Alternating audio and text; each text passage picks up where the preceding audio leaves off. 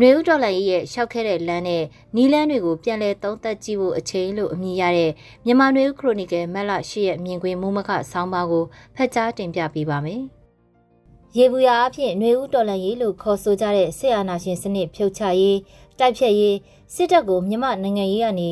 အပီးတိုင်ဖယ်ရှားရေးဒါမှမဟုတ်မြမစစ်တပ်ဆိုတဲ့နာမည်ကိုအပီးတိုင်ဖယ်ရှားပြီး Federal အနှစ်သာရအပြည့်နဲ့ဖွဲ့စည်းမဲ့ Federal စစ်တပ်သာအနာဂတ်မှာရှိဖို့ဥတည်ကြတယ်လို့ရေဘူးရနားလည်ရပါတယ်။နှွေဦးတော်လည်းမှာပါဝင်နေတဲ့အဖွဲ့အစည်းကြားလူတိုင်းအဲ့ဒီရည်မှန်းချက်ရှိတယ်မရှိဘူးဆိုတာကတော့အတိအကျမဆိုနိုင်ပေမဲ့ရေဘူးရအဖြစ်အဲ့ဒီဥတီချက်ကိုတွားနေတဲ့သဘောလို့တော့ဆိုနိုင်ပါတယ်။ မိမိတို့လူမျိုးစုအရေးမိမိတို့ပြည်နယ်လူမျိုးစုကိုပိုင်ပြဋ္ဌာန်းခွင့်ရရှိရေးလည်းဖြစ်နိုင်တယ်လို့မိမိတို့အဖွဲ့အစည်းရက်တည်ရေးလည်းဖြစ်ကောင်းဖြစ်နိုင်ပါတယ်။နောက်တစ်ချက်ကဒေသလိုက်စီးရေးနိုင်ငံရေးကောင်းဆောင်တွေပေါ်လာကြပြီးအနိုင်ကျင့်တဲ့စစ်တပ်မိမိတို့ဒေသကိုဖျက်ဆီးတဲ့စစ်တပ်ကိုလက်စားချေတုံ့ပြန်တိုက်ခိုက်ခြင်းနဲ့ဆန္ဒနဲ့တိုက်ခိုက်နေကြတဲ့လက်နက်ကိုင်အဖွဲ့တွေလည်းရှိကောင်းရှိနိုင်ပါတယ်။စီယိုရေးအမြင်နဲ့အားလုံးကိုတော်လန်ရေးလက်နက်ကိုင်တပ်ဖွဲ့တွေလို့ရေဘူးရခေါ်ဝေါ်ကြတာနားလည်နိုင်ပြီမဲ့လည်း မြန်မာနိုင်ငံရေးစီရေးအလားအလာကိုမှန်မှန်ကန်ကန်အကဲဖြတ်နိုင်ဖို့လိုအပ်သလိုလက်ရှိရောက်နေတဲ့အခြေအနေကိုလားရ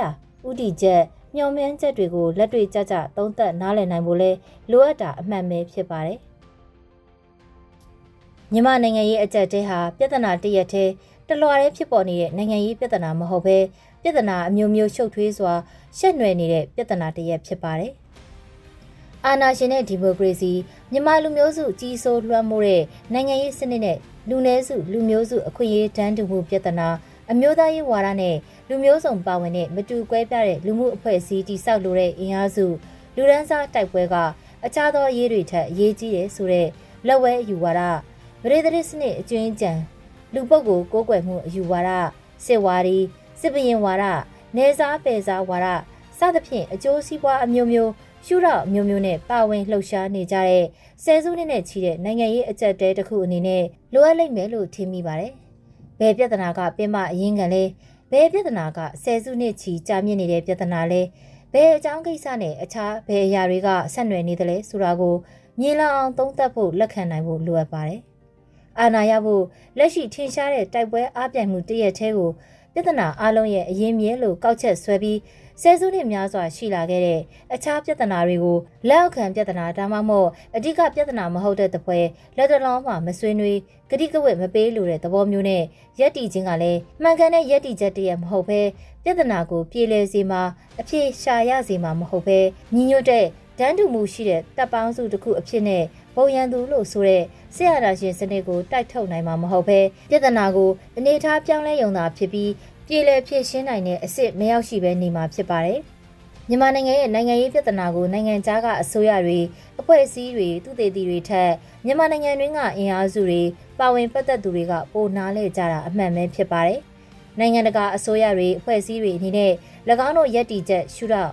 တန်ဖိုးစံနှုံအကျိုးစီးပွားစတဲ့တခုခုဒါမှမဟုတ်တခုမကသောရှုတော့မျောလင်းချက်ကနေနားလည်ကြတာဖြစ်ပြီးမြန်မာနိုင်ငံရေးနယ်ပယ်ကအဖွဲ့အစည်းတွေအဖွဲ့အစည်းကိုစားပြုသူတွေလူအများရဲ့ယုံကြည်မှုကိုတဦးချင်းရရှိထားသူတွေကပြဿနာရဲ့နောက်ခံအတိတ်နဲ့အလေးထားစရာအချက်တွေကိုပုံမနားလည်နိုင်ပါတယ် ဒါပေမဲ့အကျိုးစီးပွားအတိတ်ကနောက်ခံဖြစ်ရတဲ့ဆက်နွယ်တဲ့ခန်းစားချက်တွေဖယ်ရှားနိုင်မှသာပြဿနာကိုလက်တွေ့ကျကျ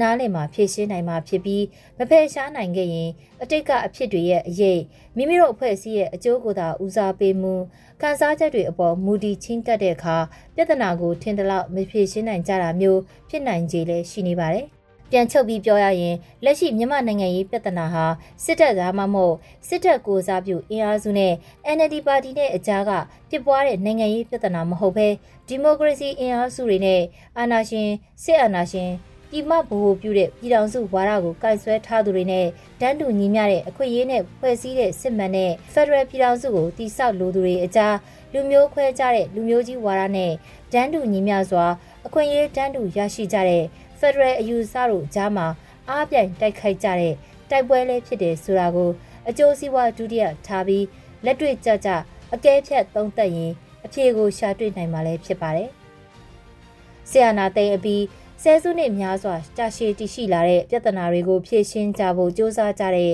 နှစ်နှစ်ကြာတဲ့ကာလမှာရှောက်လန်းခဲ့တဲ့ကာလနှစ်နှစ်အတွင်းဘာတွေလိုအပ်နေလဲဆိုတာ ပြန်လည်သုံးသပ်ပြီးပြင်ဆင်သင့်တာကိုရဲဝင်စွာပြင်ဆင်ပြီးရှေ့ကိုဆက်လန်းမှသာအောင်မြင်မှုကိုရရှိနိုင်မယ်လို့ထင်မြင်မိပါတယ်။